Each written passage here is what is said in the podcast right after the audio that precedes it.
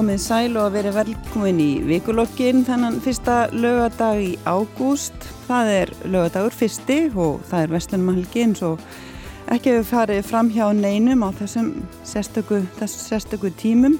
Það er komin upp ný staða hér á landi vegna fjölda greindra smita undarfarna daga og nýjar sótarnareglur tóku að gildi á háti í gær. Smitum heldur ofnum að fjölga í heiminum og tala hefur verið um aðra bylgu faraldursins í Evrópu þar sem stjórnult hafa víða grepið til hertra aðgerða. Nú svo er alltaf eitthvað að frétt úr pólitíkinni í bandaríkjónum. Við erum með góða gesti. Hér er komin Víði Reynisson yfir lauruglu þjóttn hjá Ríkislauruglustjóra, Svanildur Hólm Valstóttir aðstofamæður fjármálar á þeirra og Kristján Gæ Börgjes, stjórnmálafræðingur. En að gefnum tilumni þá er vist kannski eitt mál sem að mun hafa, fá meira plásir í þættinum hjá okkur heldur en önnur. Það er að sjálfsögðu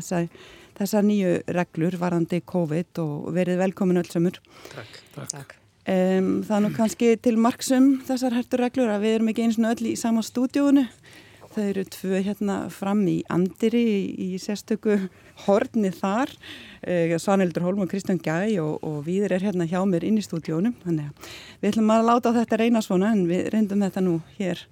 fyrri, í fyrri, fyrra vetur þegar að far, faraldurinn var svona í hæstu hæðum. En við byrjum á þér við, nú er svona dagur, dagur tvö í þessari, þessari töku tvö. Hvernig hefur þetta gengið? Bara, þetta gengur bara ágætlega. Það var auðvitað hérna, mikil vonbreiði fyrir marga og ekki síst okkur líka bara sem erum staðið í þessu að við séum komin eftir þessa stöðu en, en þetta er engum um að kenna, bara, þessi veira er bara svona, hún, hún mun koma og fara og, og valda okkur vandræðum þannig að, að við erum bara að læra að lifa með þessu. E, 50 dagurinn var auðvitað þungur þegar kynntum þessar, þessar tillögur og, og síðan tóku regluna gildi á hátegin í gær og, og margt svona sem að er fór mikil vinna í að út, útfæra og útskýra og, og gríðarlega fjöldu þetta fyrirspurna sem að bárast okkur um, um þetta og menn eru svona að reyna að máta sér í þetta og,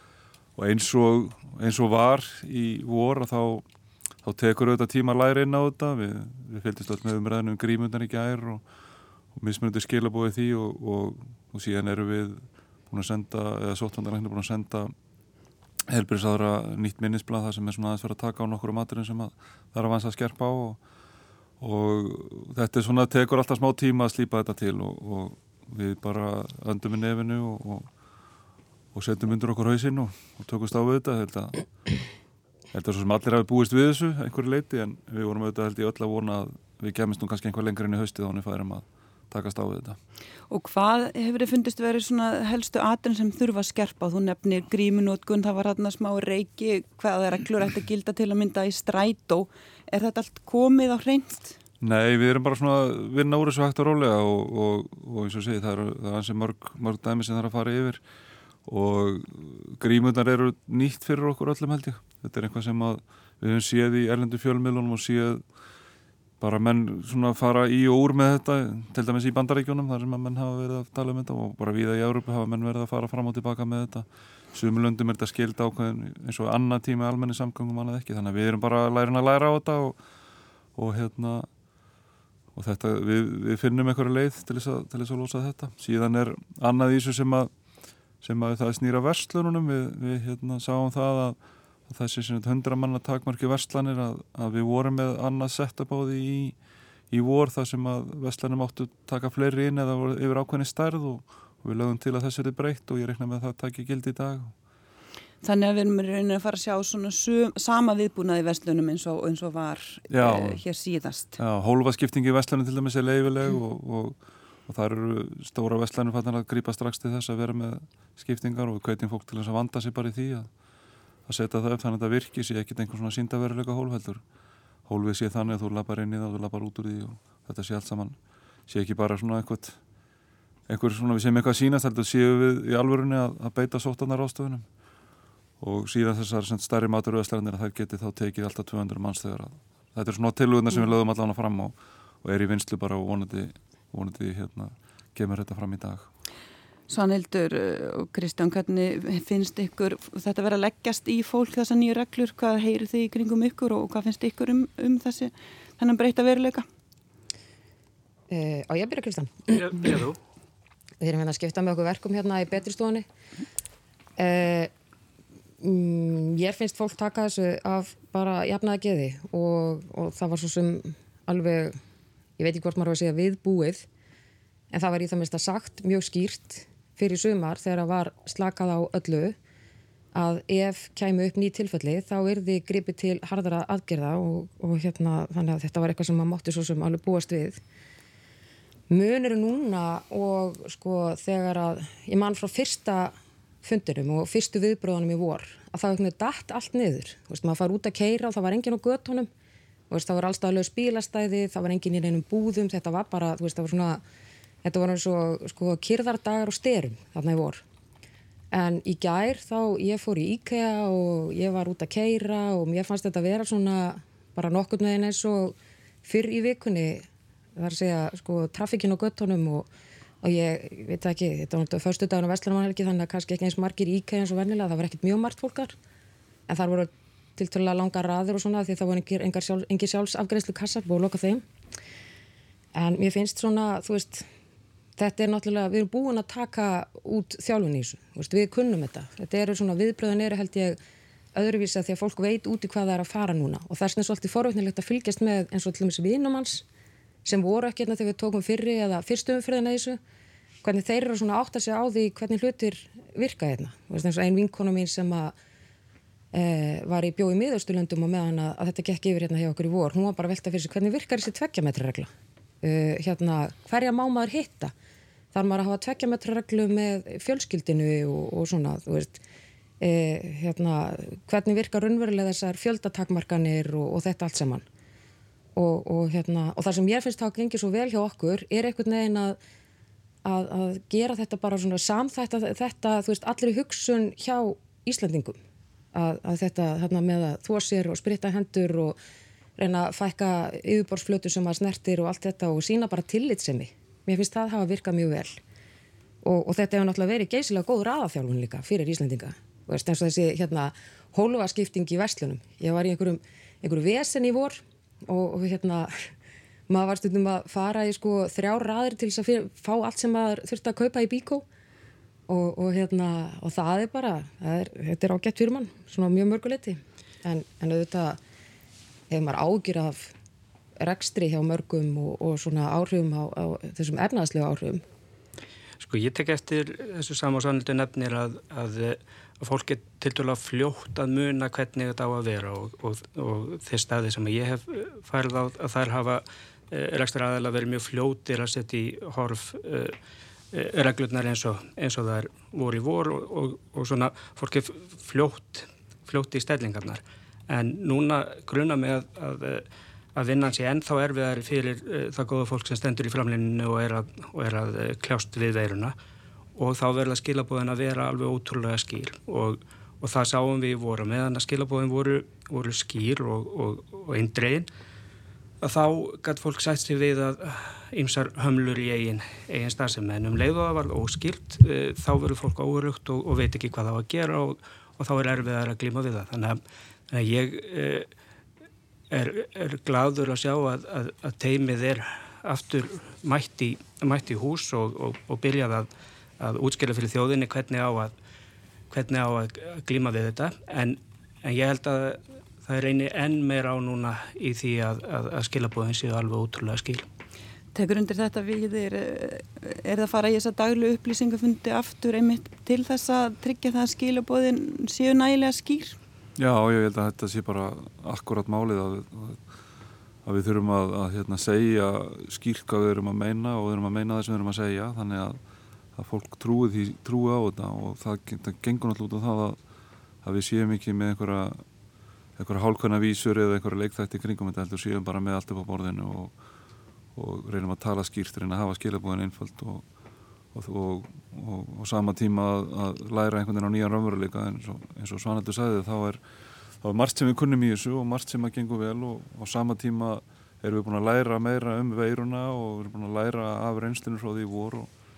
og til dæmis fórum ekki það núna að, að loka þessum svona einn og einn eh, stöðum eins og hárkværsluðstofum og,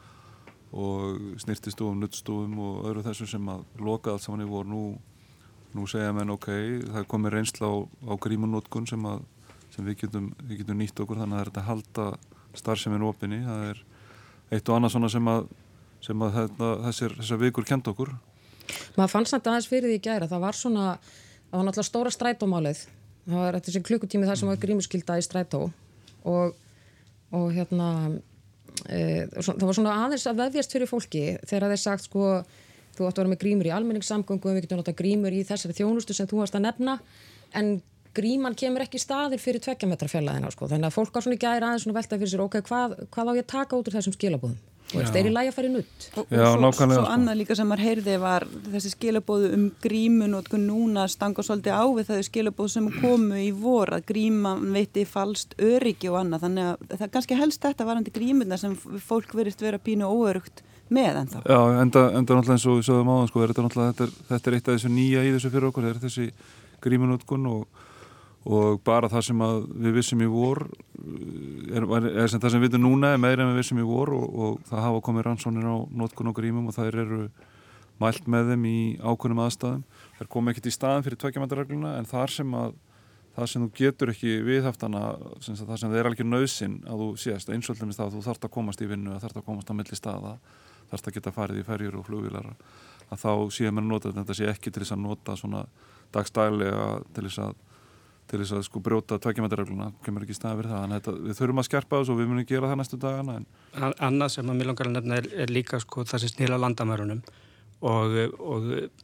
og, og ferðalögum á milli landa fyrir, fyrir Íslendinga, það þarf að vera algjörlega skýrt hvaða reglu gildum það og það var svona eh, dæmi það sem að fólk var aldrei óurugt og að það átti að opna landamærun en, en þau voru samt opinn og þá komur einstaklingar frá útlandum sem að smittuðu fólk og og svo hefur við séð fréttir um það að fólk frá löndum sem er ekki heimilt að koma til Íslands geti fengið undan þá séu þau nægilega vel efnu til að koma með enga þóttu til landsins. Þannig að þetta þarf að vera alveg ótrúlega skilt hvaða reglugilda og, og, og hverju takja um það ákverðun og mér finnst e, fyrirkomulega eins og það hefur verið það sem að þetta er sótarna teimið og sótarna lækni sem að gera tilögu til helbriðsra á þeirra að það eigi að vera algjörlega uh, þannig að það, það sé ákvarðinni teknar það sé ekki verið að veita undan þá er annars það er í kerfinu. Ég í gær verið að segja og er þessum heldum að það sá fram með, með grímurnar. Uh, Sónum minn vinnur í mjög fjölsóttir í ráftækjaverslinu og hann á tveggja manna á bann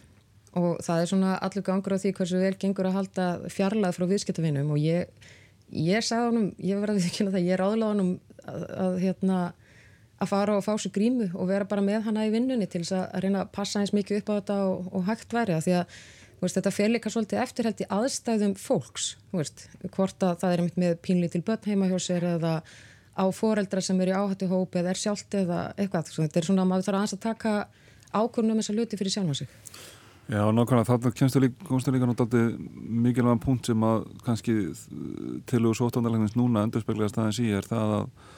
að á saman tíma við erum að reyna að senda skýr skilabóð þá erum við líka að reyna að segja sko þið þurfum að taka ábyrg þið, þið eru sérfræðingar á eitthvað sviði og, og strætódæmið er ágætis dæmið um það að stræt, þeir sem eru rekka strætó er náttúrulega mestu sérfræðingarnir í því hvernig það er og hvernig það virkar og ég er bara ánaðið með strætó að hafa, hafa stigið hérna, stert framtíð í upphafi og svo fenguð þeir kannski betri upplýsingar og þá, þá breyttu þeir en, en þeir eru náttúrulega sérfræðingarnir í því með strætó. Sama með náttúrulega einstaklingarna og okkur, okkur allt sjálf ef að, ef að við kunnum að fara með og, og, og kynum okkur hvernig, hvernig grímunótkun virkar og hvað er, hvað er þetta notið í og þá, þá hérna, er það auðvitað okkar ákvörðin hvað við ætlum að ganga langt í því og, og við þurfum alltaf einhvern veginn að, að bara treysta okkur sjálfum líka og hérna ég skil bara fólk mjög vel sem eins og, eins og þessu dæmi sem þú nefnir svo endur sko, að, að fólk vilji hafa aðeins fyrir neðans og ef það telur sig geta verið örgara með þessum hætti þá, þá bara er það sjálfsagður réttur hversu eins að gera það og, og bara jákvæmt máli sjálfur sér. En svo, og svo andur lísti hérna áðan hún uh, þegar hún fór út að, að keira og kíkti búðir eftir þessar nýja reglu tóku gildi og þetta er svona kannski það sem að mér hefur líka heyrt lýsengrafi í löndunum í kringum okkur það sem er verið að fara sömulega jafnvel enn lengra gengið í að herða sótarnreglur að viðbröðin er alls ekki eins mikil eins og við sáum síðast. Fólk er að halda miklu meira áfram sínu daglega lífi Um, er, þetta, þetta jákvæmt, er þetta neykvæmt, er fólk minna rætt, er það óttinn sem kannski var til þess að við lókuðum okkur meira af hérna í vetur heldur en núna vitum við meira um, um faraldurinn, um veiruna og um, kannski erum að fara að hægða okkur öðruvísi. Þurfum að beita okkur kannski öðrum aðferðum núna heldur en síðast? Ég held að þetta sé, þetta sé jákvæmt í sjálfsvegar, sko, það sem að það sem nagað okkur held ég mikið í, í vor var óvissan hversu mikið er þetta smitandi er þetta, veist, margir heldur ég að þetta bærið með loftinu og væri bara kemur inn í einhvern rými og það væri bara einhver hefði verið þar haldtíma áður og þá væri öruglega smittar og alls konar, alls konar svona. Þannig að fólk tóku þetta svona öruguleiðina og bara dróði alveg í hlýja. Nú vitum við aðeins meira og vitum betur hva, hvernig við getum varið okkur og erum við að gera það. Og, sama tíma og við erum að hvetja fólk og grípa til strangar aðgerð erum við líka að segja reynum að lifa lífinu og reynum að gera það sem við, við getum innan þessara marka og svo óttanlega við talaðum um það um daginn að, að við erum aðilar að, að samningi um, um bóluefni og við reknum á að, að við fáum bóluefni fyrir 20% af þjóðinni í lók næst árs. Mm. og ef að veiran verður svona ferli eins og ég held að við þurfum að gera okkur að búa okkur undir þá þurfum við að læra að lifa með henni. Þá getum við ekki þó að uppkomi svona ástand eins og núna loka okkur algjörlega af og slögt á samfélaginu. Heldur þurfum við að að geta svona hérna, siltmilli skers og báru í þessu að að finna leiðina til þess að halda áfram að lifa og vera manneskjur og, og hérna á sama tíma og við, við verjumst þessu. Við erum búin að gera þetta, man, mannskeppnan er með miklu aðlöðunar hefni og við lendi í ímsu í gennum tíðina og, og við finnum leiðina til þess að halda áfram og nú erum við bara í gríðalega stóru lærdomsferðli öll og, og hérna og þá er, þá er þetta bara eðlilegt að, að einu finnist eitt og öðrum annað og og, og hérna, ekkert að því að við séum út að, á ferðinni svo lengi sem við virðum mann helgi hvers annars og, og pössum okkur. Við Kristján Gæði til dæmis komum ekki saman í bílingað við búum hvort á mátu öðru í Vestubænum og ég hugsaði það einmitt að, að hérna, þegar að þú ringdir Sýrjöðdögg í vikunni þetta var nágætt, við getum nú sambílað hérna upp yfir en því var kiptur samband á fymtudaginn og maður bara svona lagar sig aðstöðum Augl, Auglýsingin með Gísla Martin eða sem var neitað að fara upp í bíl var akkurat tekinn aðeins neður í göttunni sem við búum. En hvað finnir þið finnir þið fyrir því að væru þið tilbúin að ganga eins langt eins og í vetur eða finnst, finnst ykkur þið að það kannski ekki að þetta reynst erfiðara núna hafið minna þól fyrir þessum hérna svona í rauninni þessum aðgerðum heldur en þið höfðuð eða eh, mun fólk bara aðlast í líka ef að vera gengið lengra hvað, hvað, hvað finnir þið? Ég, ég hugsa að þurfi bara að, að, að uh, gera lík, líkt og, og væri vor og það var bara að fylgja þeim leiðbenningum sem að sótan hefuvöld og, og heilbæris hefuvöld gáfu og og þá þarf að vera alveg ótrúlega skipt hvert markmiðið er. Það kom upp aðeins í vikunni svona uh, umræðan um það hvert markmiðið væri. Er markmiðið að koma alfærið í vegferðir smit á Íslandi? Er það að flytja kurvuna er það að, að, að koma í vegferðir að veiran uh, komist í tæri við viðkvæma hópa sem hlýtur að vera megin markmiðið að, að þó hún sé á ferli að þá að þá uh, snert hún ekki þá sem er í viðkvæmstri stöð og við, og við náum að verja þau og og, og þá þarf að yfirvöld að vera ótrúlega skýra á því hvað, hvað það er að við getum kannski ekki þáka til að bólaefnið er komið eh, komið alfarið í vekk fyrir smitt en við erum að minga líkundar sem mest og, og þá eigi fólk að vera tilbúið að, að, að mm. gera það sem að, það sem að hægt er síðan, síðan er það hitt sem snýrað sko vinnu vinnu yfirvalda við það að koma böndum á á, á útbreyðslu veilunar og, og það er náttúrulega daldi nýstaða uppi núna þegar það er ekki vitað uh, um uppruna þeirra smita sem, að, sem eru í umferð og hvernig þau tengjast nákvæmlega. Og, og þá er spurning sko hvort að uh, hvað aðferðum er beitt þeimist í smitrakningu núna og hvort að það er eitthvað ólíkt því sem að uh, sem að var í, var í vor. Við sjáum aðeins umræði í löndunum í kringum okkur um það að, að, að það að elda hvert einasta smitt geti verið þessi spurning hvernig mannabla sér stilt í það e, þegar mér sínist núna íslensk yfirvöld verið að gera svipað og í þeim löndu sem bestu við tekist að, að finna, finna það sem að hópsíkingar hafa orðið og ná upprönnum þar og gripa mjög hægt þar sem að fólk hefur verið í návi við aðra. Og það er kannski enn eitt sem að þarf svolítið að brína fyrir fólki að, að, að þó að þessi hundramanna takmörkum þá geti smittin orðið í ennþá minni hópum og við sáum það í voru að, að það drefðist í, í sko litlum hópum e, drefðist veiran mjög mikið. Þannig að það er kannski ekki nóg að vera alltaf innan hundramanna hópsins heldur þarf kannski sérstaklega að passa sig þegar maður er að hitta fólk í, í smæri hópum. Mér finnst að við höfum fengið mjög góðar og tröstar leifinningar frá þrjökinu og, og öllu þeir sem hafa vitað þessum málum. Og mér hefur bara fundist að það hefur reynst okkur mjög vel að fara bara vandlega eftir þeim leifinningum og mér finnst ekkit erfitt að sína þeim hópum sem er í veikri stöðu tilitsemi. Mér finnst þetta bara að vera eh, eitthvað sem að, þetta er bara aðstæðar sem við þurfum að takast á við og það er gott að fá góða leifinningar og það er gott að vita að maður getur treyst þeim og þetta hefur gengið vel áður þannig að nei, mér finnst þetta, mér finnst þetta ekki erfitt og auðvitað fannst manni frábært í sumar þegar allt opnaðist og, og, og manni leið eins og maður gæti svona þokkalega örugur farið út um allt. Ég hef aldrei, ég aldrei látið af sko handþvottinum og, og sprittuninni og reyna að forðast yfirborðsfleti og allt þetta. Þetta er svona, sko, þetta er bara orðið eðlilegur hluti af daglegu lífumhals að gæta sín og reyna að passa upp aðra. Og mér finnst það eiginlega að skipta mestu máli að því ofta er maður meira að reyna að passa upp á aðra heldur en sjálfa sig að því að, að, að maður kannski ekki er í einum aður sem mestu áhættuhópum þó maður vitur þetta aldrei hvernig þetta leggst á mann. Nákvæmlega sko. Þannig að líka það sem við höfum aðeins verið að ræða og vorum búin að setja í gang svona pælingar í okkur og, og, og sótundarlegnir og, og ég vorum búin að senda minnisblad á okkar ráð þeirra um það að svona í ágúst þá myndum við setjast niður með kalla saman svona breiðan hóp það verður kannski eitthvað að býða eða sjá hversu breiður hann verður eða í þessum takmarkunum sem er gangi en allavega akkurat þetta sem að Kristján var að nefna veist, hva, hvert er markmið hva, hvernig ætlum við að takla þetta? Við, við vorum með skýr markmið og skýra sín í, í vor þar sem við ætlum bara að stoppa þetta harkalega, flet út kurvuna og það gekk eftir. Og núna erum við búin að vera að vinna því markmið að elda hvert einsta smið til þess að koma vekk fyrir hópsíkingar og Nú erum við með hópsíking og þá erum við sjálfsögur að beita því sama og ætlum að stoppa það en gerum okkur grein fyrir því að það verða að munu meðan að þetta er á ferðinu og sérstaklega kannski eins og núna það sem þetta er í talsveru uppsveiflu hérna kringum okkur að þá fáum við smitt, þá koma smittin til landsins, þá koma innanlandsmitt og þurfum að fástu það. En við höfum svona vilja setja upp svona samráð á svolítið breyðin grunni til þess að marka sammeðlega stefnu svona hagsmunnaðala Hva, hvað er það sem, að, sem á að gilda í okkar samfélagi áfram með að við veruna er ætlum við að sætt okkur við það að, að, að hér séu bara stöku smitt eða ætlum við að hafa þetta verufrít eða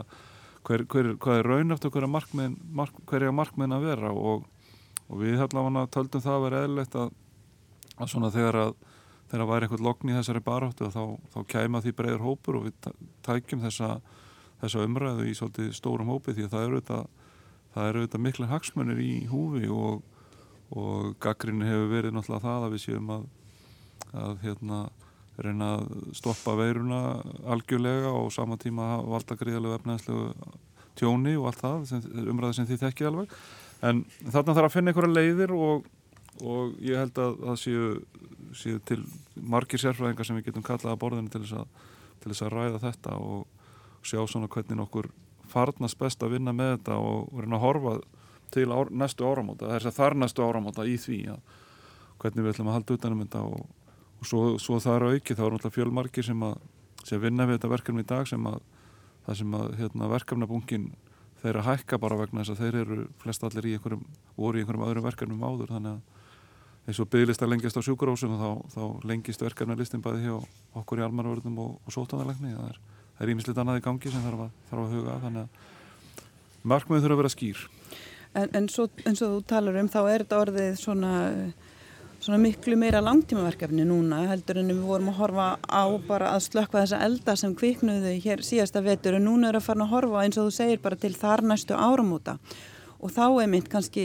snýst þetta líka um að setja raunhæf markmið. Er raunhæft að setja það markmið að hafa hér ekkert smitt eða er raunhæft að hér komu upp svona uh, svona hópsíkingar sem við náum síðan stjórn á.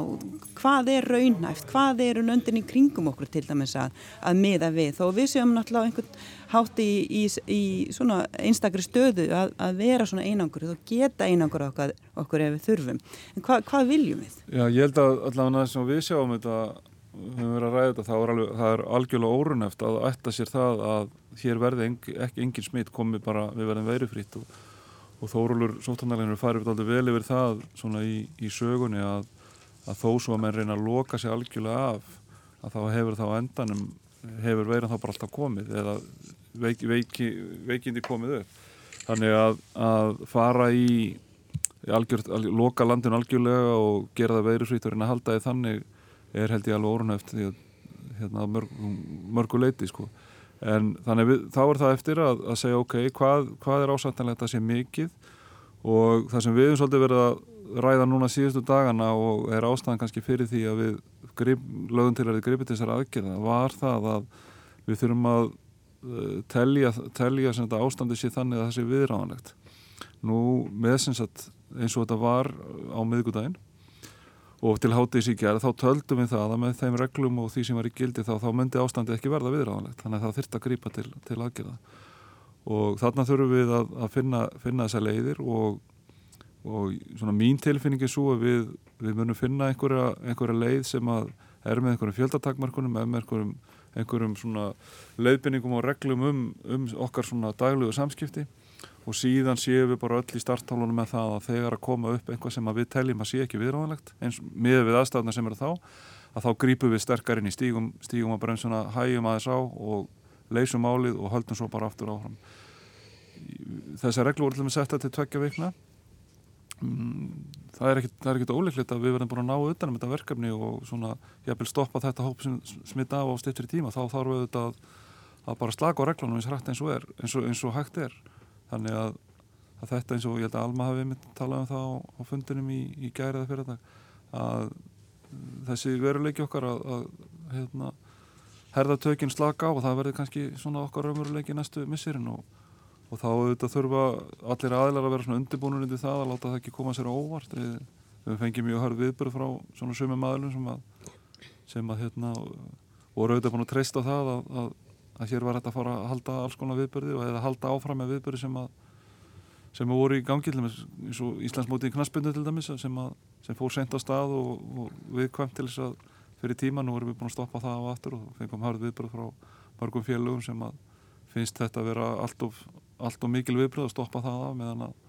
benda á að sé einhvað annað sem sé leift á meðan. Og, og auðvitað skilum að þessi sjónamið alveg en, en þetta er bara hluti af ferlinu og kannski verðum við búin að finna einhverja leiði til þess að vera með ennþá meiri slaka í næstu aðgerðu sem við grímum til. Ég held að þetta sé bara stöðut lærdámsferli fyrir okkur all. Sældir og Kristján hafi þið skilninga á þessum viðbröðum sem hafa komið þess að svona gaggrinni á þessar aðgerði hjá ákveðum hópum? Já, ég er náttúrulega fullan skilning á því að fólk uh, fólki finnist fólki finnist þetta erfitt en, en uh, ég held að þarna gildi nú bara og við þurfum að rifja upp það sem við lærðum svo vel í, í vor sem er að hlýða við því og, og það, það sé ofan á og, og að það sé allt gert til þess að forðast þær aðstæðu það sem að hópsmitt geta eh, komið upp og, og myndast á meðan að vera nýru út í samfélaginu. Já, ég tek undir þetta. Ég, ég skil þessi viðbröðum að fólk er þarna þetta snýst að einhverju leitu um aflhæfi fólks og framfærslu uh, fólk sem var tekjulöst í langa tíma í, í vor eins og til dæmis listamenn sem að sjá síðan einhvern veginn uh, hlutin að fjara út hjá sér aftur núna. Það er bara erfitt að horfast í auðu við það. Algjörlega. Og, og, það, og þannig að ég, ég, ég fannst ég skildi alveg þessi viðbröð, ég skildi alveg að það væri hörð og ég skil alveg að fólk hérna, veist, það finnur bara, það er erfitt að að sjá ekki fram á það hvernig maður er að framfleyta sér kannski og, og veri í óvissu. Og ég held að óvissan séu oft kannski það erfiðasta. Veist ekki hvað til langu tími veist ekki nákvæmlega hvernig, hérna, hvernig þetta getur þróast. Og það er bara, það er bara eðlilegt og mjög mannlegt að, að breyðast kannski svolítið harkalega við því. Og mér fannst nú eiginlega flestir í gær sem voru mjög reyðir í fyrardag uh, einhvern veginn að vera búin að ná sönsum Er þetta ekki spurningu líka núna, Svandir, þú ert uh, náttúrulega nátengt hann inn í ríkistjórnuna, aðstafamaður, fjármálar á þeirra. Er þetta ekki spurningu um að ríkistjórnum þurfu núna að stiga fram og koma með þessi skýru skilabóð til þessa hóps um að það, það, það verði, verði ykkur björguna aðgerið þarna sem tengjast nákvæmlega þessum aðgerðum ef þörfir á? Ég ætla ekki að tala fyrir alla ríkistjórnina en, en ég veit að þetta er mál sem að, sko, hefur alveg verið rætt og er í umræðinni þannig að við skulum bara sjá til hvað gerist eftir helgi þegar að, hérna, Ríkistöndi kemur saman aftur og, og, og allt stjórnkerfi fyrir að stað. Það hefur náttúrulega verið allt í sumarlegi í júli eins og margir aðrir og, og svo fer allt á fullt núna eftir helgina. Þannig að, að hérna, vil að við bara sjáum, sjáum hvað gerist eftir það. Og ég held ég get ekki annað en bara brínt hérna, til, til verka í því því að e, það núna núna líður mjög á að efnaðsviðbræði sé rétt og, að, e, og það sé funna leiði til þess að e, til þess að hanna þær aðgerið þannig að, að við komumst út úr þessu efnaðsástandi og, og það verði ekki langarandi stöðnun og, og samtráttur og aðtunleysi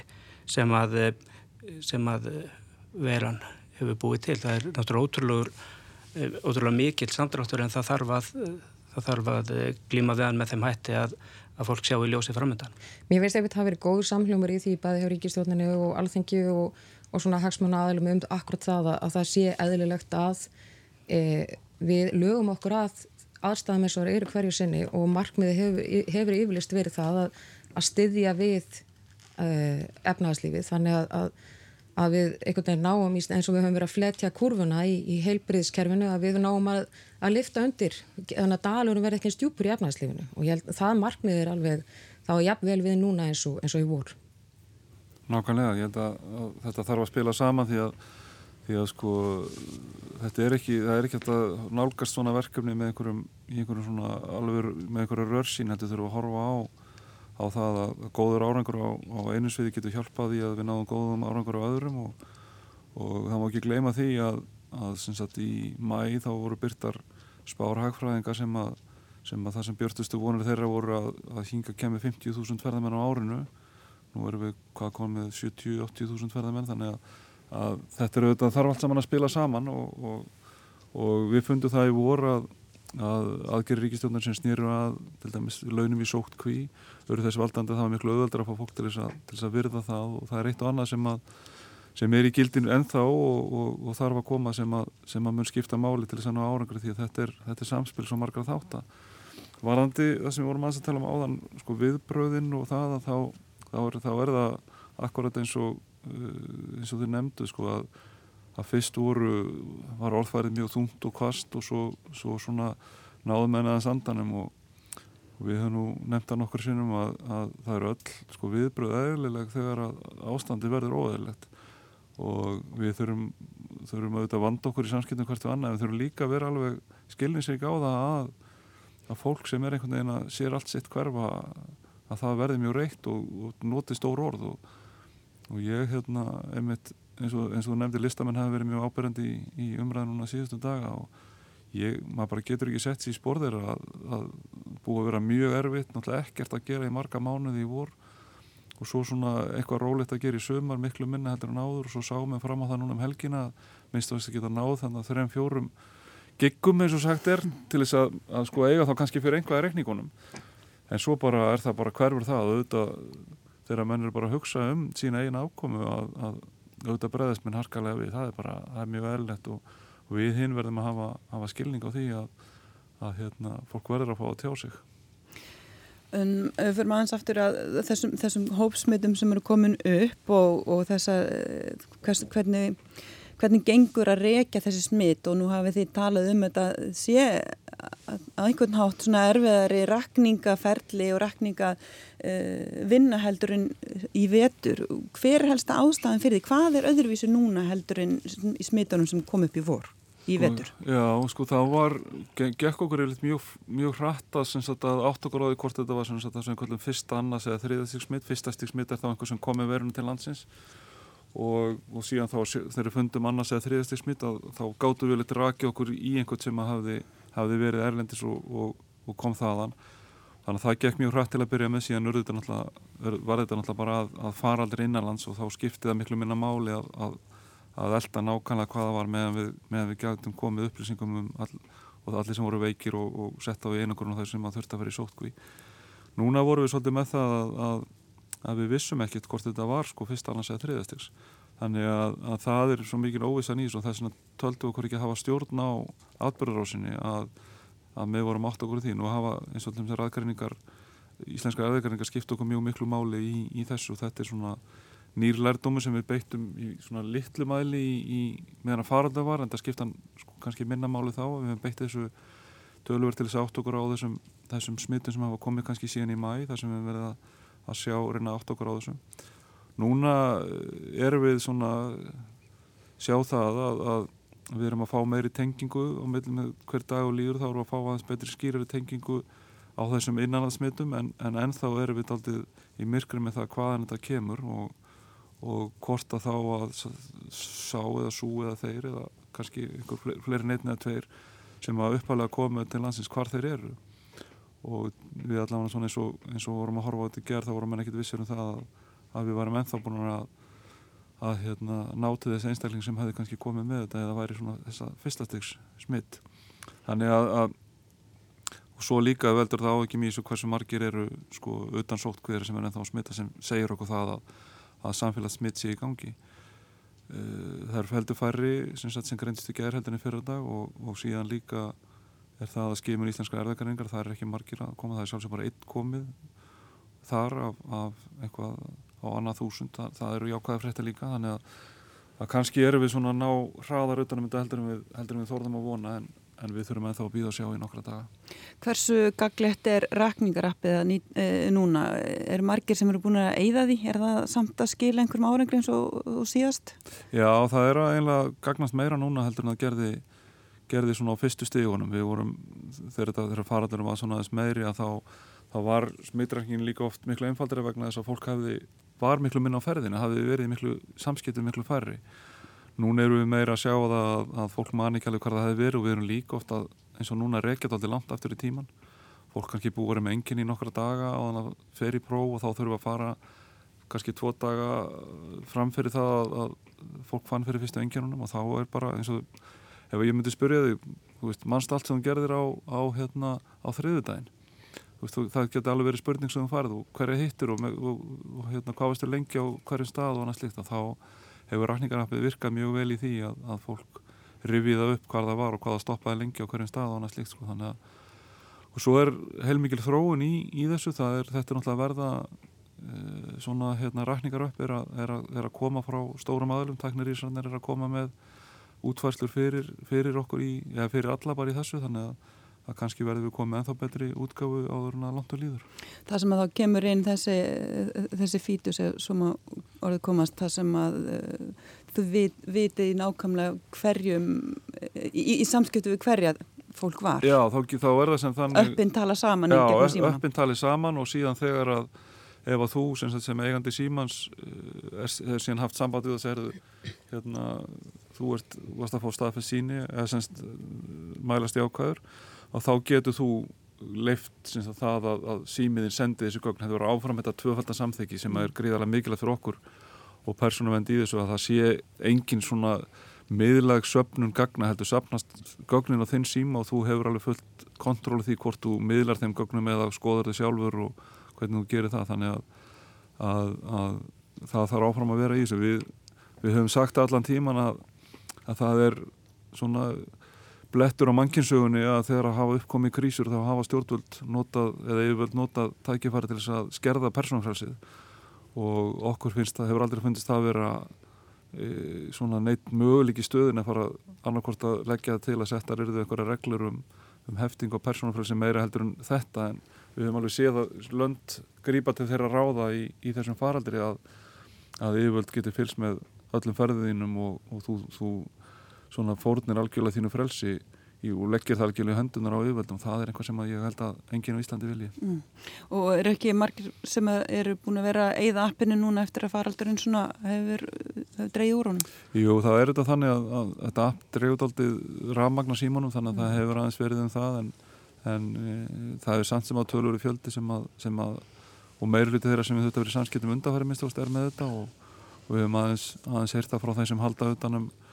niðurhælið á þessu og það hafi, það hafi komið kipur í það aftur og, og við verðum bara að halda árum að hvetja fólk til þess að, til þess að nota þetta og það hjálpar þeim fyrst og fremst til þess að tryggja það að þeir sem þeir voru í samskiptum við að þeir séu, við getum tryggt öryggi þeirra, það, út á það gengur þetta.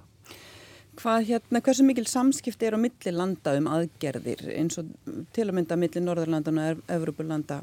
Eh, er mikil umræða um það til hvað aðgerði verið að grýpa hvar og hvað virkar, hvað ekki? Nei, það er rosalega lítið. Það er,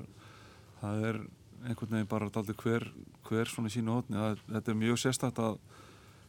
sko, ég hef búin að vera að vinna í kringum almanvarnir í, í yfir 20 ár. Tekið þátt í sko ótal málþingum og ráðstefnum þar sem að bæði Norrlöndunum, Európa-samstærinu og bara alþjóðsamstæri þar sem að allt gengur út á það að, að þegar það eru krísur þá hjálpa við hvert öðru. Í svona flestum tilfellum eh, hafa menn alltaf verið að tala um það að það er eitt lendir í vandræðum þá komið hinn til hjálpar og það hefur alveg gengið í gennum tíðina. Núna þegar að einhvern veginn öll lönd eru, eru í, í neyð og þá er kannski hjálpin ekki mikil sem enn geta búið þó hafa eins og Norðurlöndin verið að, senda aðstú til eins og til Ítalju að normenn sendu og danir sendu teimið þanga til aðstofar og, og, og hérna, búnaður hefur sendur á millin að slíkt en, en það er einhvern veginn þannig að bæði eru stjórnkerfin mismöndi þó það sé margt líkt með okkur og, og hinnum skipulega helbriðsgerans, skipulega almanvarna er, er ekki er ekki alveg eins á þessum löndum og hlutverk hlutverkarskiptin eru, eru mjög mismöndi og það bara einhvern veginn menn virðast bara að hafa algjörlega nóg með sitt og og og eru bara nálgast þetta á svo ólíkan hátt í sjálf og að það hefur einhvern veginn ekki bara til og með eins og tölfræðin sem er ágætist dæmi að, að það er svona fyrst núna sem mann eru það að reyna að koma sér saman um einhverja mæli hvar það í tölfræðinni. En alveg fram að þessu jafnvel ennþá er það eitthvað sem er óla lítið hægt að treysta og, og þannig að svona samstarfið í þessu hefur verið miklu minna. Við eigum reglulega fundi með almanvörðum á Norðurlandunum við hefum verið að funda, kannski og eða tvækjafina fresti en það er svona meiri bara upplýsingagjöfum hvað hver er að gera í staðin fyrir að við hefum ekki getað mikið svona samræmt okkar aðgerði sko, miklu minna heldur um að bjóstu við með alla vinnuna sem búið að leggja í það undanfann áratu í að, að búa til alls konar plönum það sko. Og Svaldur er, er kannski sveipað upp á teningnum í stjórnmálanum er, er svona hver á einn einhvern veginn huga aðgerðum í, í, í sínu landi? Við höfum fylst vel með hvað aðrir hafa verið að ggera og, og tekið saman minnistblöðum það til þessum ernaðslegar aðgerðir og slikt og og við sjáum það að aðgerðir er nú svona ekki ósvipaður allanlega í þeim blandu sem við svona helst byrjum okkur sama við. Og, og ég veit líka að, að eh, ráþæra ferðamála og dónsmúla ráþærar og, og fleiri hafa verið að eiga fundi með sínum kollegum á Norðurlandunum og þannig að þú veist þetta samtali er alveg í gangi. En ég veit svo sem ekki hversu mikið að því skila sér eitthvað beininlegs inn í einhverja breytingar og aðgerðum hjá okkur. En þetta er þetta svona kannski þetta er svona svolítið til þess að halda kanulunum opnum. Kristján, þú er náttúrulega fylst vel með stjórnmálum í bandaríkunum þar sem að þú hefur verið uh, nokkuð svona sérhæfður í þeim. Uh, það er náttúrulega ofsalega flókið ástand í, í gangi nánast stjórnlaust COVID og uh, kostningar framöndan það gerist alltaf eitthvað nýtt á hverjum degi og það er raun ekkert að spá fyrir uh, hvað gerist. Nei og, og þannig dæmum, dæmum land sem er margvæl stærf og flóknara heldur en okkar land en, en hefur algjörlega mistekist að samra maðgeri til þess að, að koma böndum á, á veiruna og meðan við hefum séð uh, flest önnu vestarinn ríki ná, ná svona tökum á útbreyðslinu og ná að, uh, ná að fletja kurvuna þá hefur það ekki tekist í bandaríkjunum og, og faraldurinn ennþá í sókn á á, á mörgum, á mörgum svæðum og, og sérstaklega e, og, og það hittir mjög illa og meðan að faraldurinn er í gangi í heiminu þá náttúrulega dreifist hann á milli landa. Þannig að, þannig að þetta, er, þetta er náttúrulega stort, stort e, áhugjefni hvernig hvernig málun hefur hátta þar og, og sérstaklega... Ég sá ekki ær einmitt því að það var samatæktuð að hvernig þetta var að þróast í bandaríkunum og þar sá ég semst að, að faraldurinn tilfellum er að fjölga í 33 ríkjum og er að fækka í sjöríkjum og það stendur í stað þarna í ríkjunum á milli. En þetta er alveg, þetta er, þetta er agalega tölur. Það er, það er, að, það er í rénun í, í fylgjunum á norðausturhófninu sem að fengu fyrsta höggið. En, en núna er það sem sagt sólarbelti, það er Kaliforni og Flórida það sem að tilfellum er að fjölga mjög hratt. Tilfellin er komin yfir fjóra miljónir, döðsfalli yfir 150.000 uh,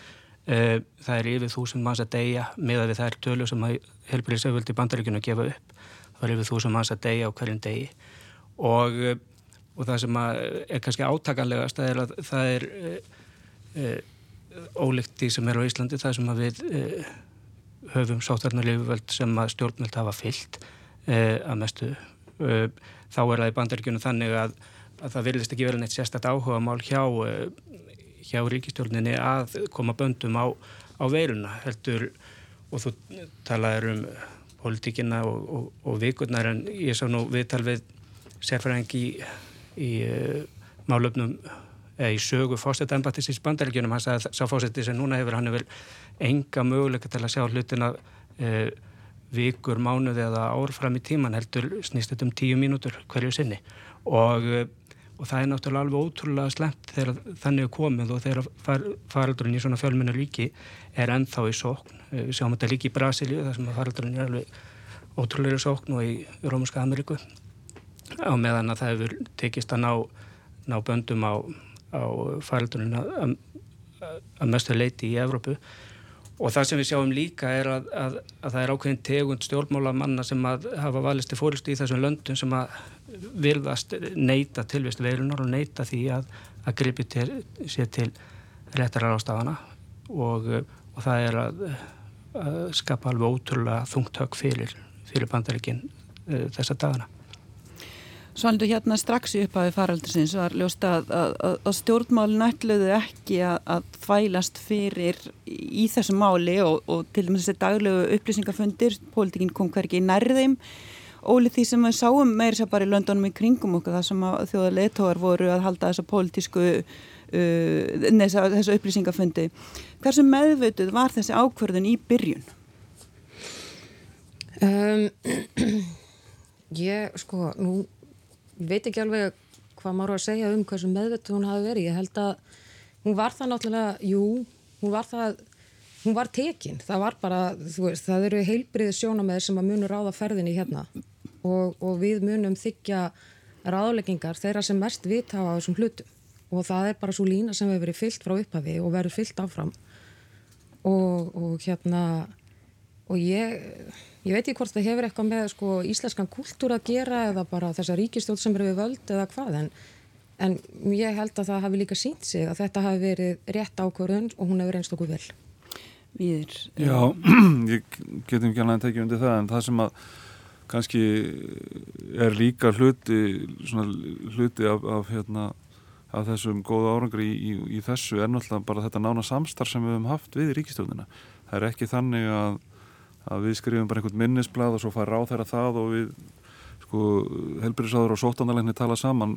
sko mörgu mörgu sinnum á dag. Ég er í miklu samskiptum við, við dónsmálaráþara og við hittum fórsættisráþara annarkvort einan eða með öðrun ráþara mjög oft og við hefum hitt marga fulltrúa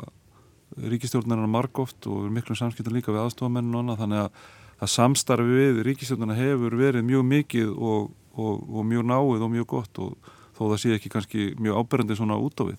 þá er það verið líka skipt okkur mjög miklu máli að, að við, að, sem er kannski ólíkt því sem að svona kollegar okkar í löndunum í kringum okkur er, er þessi svona, þetta samtal sem við getum bara átt bara maður og mann við þetta, þetta ágæta fólk sem, að, sem stýrir landin okkar að, að það er engin svona uh, ég veit ekki hvað orði á nota veist, þröskuldar eða hvað ég maður kalla það er ekki tannig að ef ég vil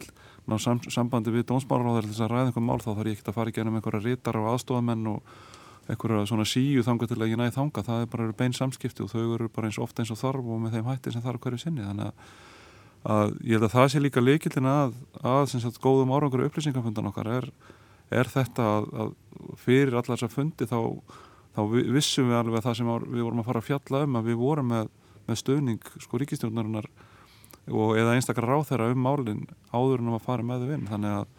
að þörfin á því að, að ráþæriðnir væri með á fundunum var kannski minni bara vegna þess að, að þetta var allt saman unnið í samfunnu við þá. Ég held að það, það skiptir miklu máli. Mér finnst mjög, mjög gott að heyra þetta og, hérna, og það sýnir líka í öllum krísum þá skiptir öllum máli hvaða fyrirkomulagi er búið til um það hvernig ákvæðanur eru teknar og hvernig samskiptum er háttað og, og það tókst uh, þarna, uh, hvernig sem það nákvæmlega gerðist og tókst það að það eru sérhæfðir aðila sem gefa ráð og svo eru það politískir fulltrúar sem sem að taka formlega þær, þær ákvarðanir og, og það ferli virðist hafa gengið mjög vel hinga til og þarf að standa vörðum það að það verður þannig áfram. Þegar kemur á efnaðsliðinni þá vil ég líka bara hvetja uh, ríkistofnarflokkana til þess að við hafa sambærileg vinnubröð að, að, að hafa breyðara samráð. Núna þessi vetur verður uh, mjög flókin og snúin í pólitíkinni og það er algjör óþarfi að það snúist um, um, um mál sem hægt er að tala um fyrirfram eða, eða hólu sem er, sem er hægt er að stoppa í fyrirfram og, og ég hef miklu trú á því að góði hluti gerist þegar að fólk með ólíka skoðanir komið saman og, og, og ræði sér niður að niðurstöðu og fólk sé óhrættið að segja sína skoðanir og takast á um þær og það finnst mér hafa tekist í, í sótarnarliðinni á, á þessum málum. Ég fannst eh, eh, gott að heyra hjá víði áðan að, að þegar kemur að, svona, að, að það sé vil að spá í e, stærra samráð til þess að sé algjörlega ljóst á hvaða línu við ætlum að keira næstu, næstu átján mánuði eða, eða, eða svo. En, en þegar kemur að efnaðsaðgjörunum þá, þá held ég að það þurfi að taka enn en meira, en meira samráð vinna hlutina enn betur uh, fyrirfram. Og uh, og taka fleira að borðinu þegar að, þegar að stóru málun eru framöndan. Þessi vetur verður ekki auðvöldur. Nei, en það er, það er alveg rétt sem að við segjum með það að, að blessunulega þá hafa helburiðsíðurvöld og uh, stjórnvöld almennt verið mjög samstíga í aðgerðum og upplýsingaflæðið er mjög gott og við búum þetta að því hérna og það er eitt af því sem að við er, uh, hérna, erum hugsanlega umöndsverð af stundum þó að kvarta sig undir því að, að þessi íminsir vankantar sem fylgir því að, að vera í smáu þjóðfélagi þá eru allar bóðleiðir hér stuttar. Það er auðvelt að taka ákvarðanir uh, með tiltala stuttu tilhaupi og, og, og, og þetta nána samtal sem er á milli allra aðila það hefur skipt alveg ótrúlega miklu máli og, og ég veit að, að hérna, einmitt þessar samskipta leiðir hafa verið bæði formlegar og óformlegar eins og ég veit að þú þekkir við þér að, að, hérna, að það er svo stutt á milli að hérna, það eru allir einhvern veginn á sömu blaðsíðunni þegar að þarf að taka ákvarðanir eða hvort sem það er að herða aðgerðir eða, eða linaðir Nú fer þessu alveg að ljúka hjá okkur í dag. Ég veit hvað þú verður klukkan tvö við þér, það er upplýsingafundur og endanlega ekkit annað framöndin á þér um helgin heldur um bara að vinna eða hvað? Nei, nei það, er, það, er, það er bara þannig. Þetta er náttúrulega helgi sem var einhvern tíman í snemma í, í vetur alltaf að vera, alltaf að vera þessum tíma að spila golf í vestmannum og fara undirbúið með fyrir kvöldið í Herjólstall og eftir skemmtilegt gerðkvöld. En svona er þetta bara, það eru er breytti tímar og ég hef margótt sagt að ekki bara, ekki bara sumarið eða heldur, árið 2020 verður skrítnast ár sem flest okkar munu upplifa og, og hérna, þetta er bara að vera búið til nýja minningar og, og það er því miður þannig að, að fjölskyttan geldur pínlítið fyrir það þessa dagana í hvaða starfi ég er. Hvað með ykkur, Sanneldur og Kristján, ætli þið að gera eitthvað í tilöfni helgarinnar eða vera bara heima, veðrið nú ekki hjálpa að hvetja fólk til að fara eitthvað að þvælast? Ég sko eins og veðrið hafi verið pantað svona í ljósi stöðunar. Það er ákala heppilegt að, að, að þetta lendir svona saman að það sé ekki sko glampandi sól og, og hérna á Veslamnana helgi e, fyrir marga en, en hjá, hjá mér tekum við vantala við upplýsinga og samráðsfundur á heimilinu til að ákvæða hvað við gerum við ágangina á helginni því að við ætluðum e, akkurat í útilögu til fjalla og, og það er spurning bara að við tökum spána og sjáum hvað, hvað sé hægt í því og, og, og hvaða svæði séu, séu til þess að hægt sé að, að, koma tjaldinu fyrir á þess að uh, brútan einar sótarnarreglur eða fylgja öllum, öllum fyrirmælum í því. Það er nú verið dögleg í útlögunum yngar til í suma þannig að uh, það er svona það sem, sem tekur við og, og vendarlega sund. Ég held að við hefum náð næstum 20 lögum þess að síðustu tvo mánuði, þannig að það er spurning hver verður verið valinu núna. Mér finnst Veslunumanna helgin og hefur fundist það í mjög mörg ár vera besta helgin til að vera heima. Og mér finnst gaman í Reykjavík um Veslunumanna helgin og þannig að ég ætla ekki að fara að bregða út á þeirri venju þannig að við verðum bara hérna í borginni. Og, og tökum það bara tilturlega rólega held ég. Og ég verði að segja eins og með þetta skrítna ár 2020 sem að, að verða, ymsan minninga til á því. En, en ef maður hugsaður um hluti sem að sko, veist, eitthvað gott sem leiðir af þessu þá er það það eru færri fundir það eru þetta fjarfundafyrirkomulag sem eiginlega allir eru orðnir vanir, það eru stittri fundir, mér finnst þetta bara í mínu starfi sem er mjög oft hérna, þjakað af fundasettu, þá er þetta held ég, þetta er, er, er, er mikil kostur sem ég vona að, að við leggjum ekki af þó að ástandið batni. Og, og við hefum líka verið ótrúlega glöð með það hvað þetta sumar hefur verið gott. Þetta, hérna, allir að ferðast innanlands og allir að rekast á vinu og félaga vitt og breyttum landi þannig að þetta hefur verið, þetta hefur verið góðið mánuður en núna þarf aðeins að fara í annað kýl. Snýst þetta ekki einmitt um hennan breyta hugsunahátt sem að viðir var að reyna að fá okkur til að tilanga okkur einhver tíman hvað er hægt að gera í staðin fyrir hvað er ekki hægt að gera? Já, nákvæmlega. Lifa og njóta á sama tíma og, og, og hérna, við erum í, í breyttu umhverfi.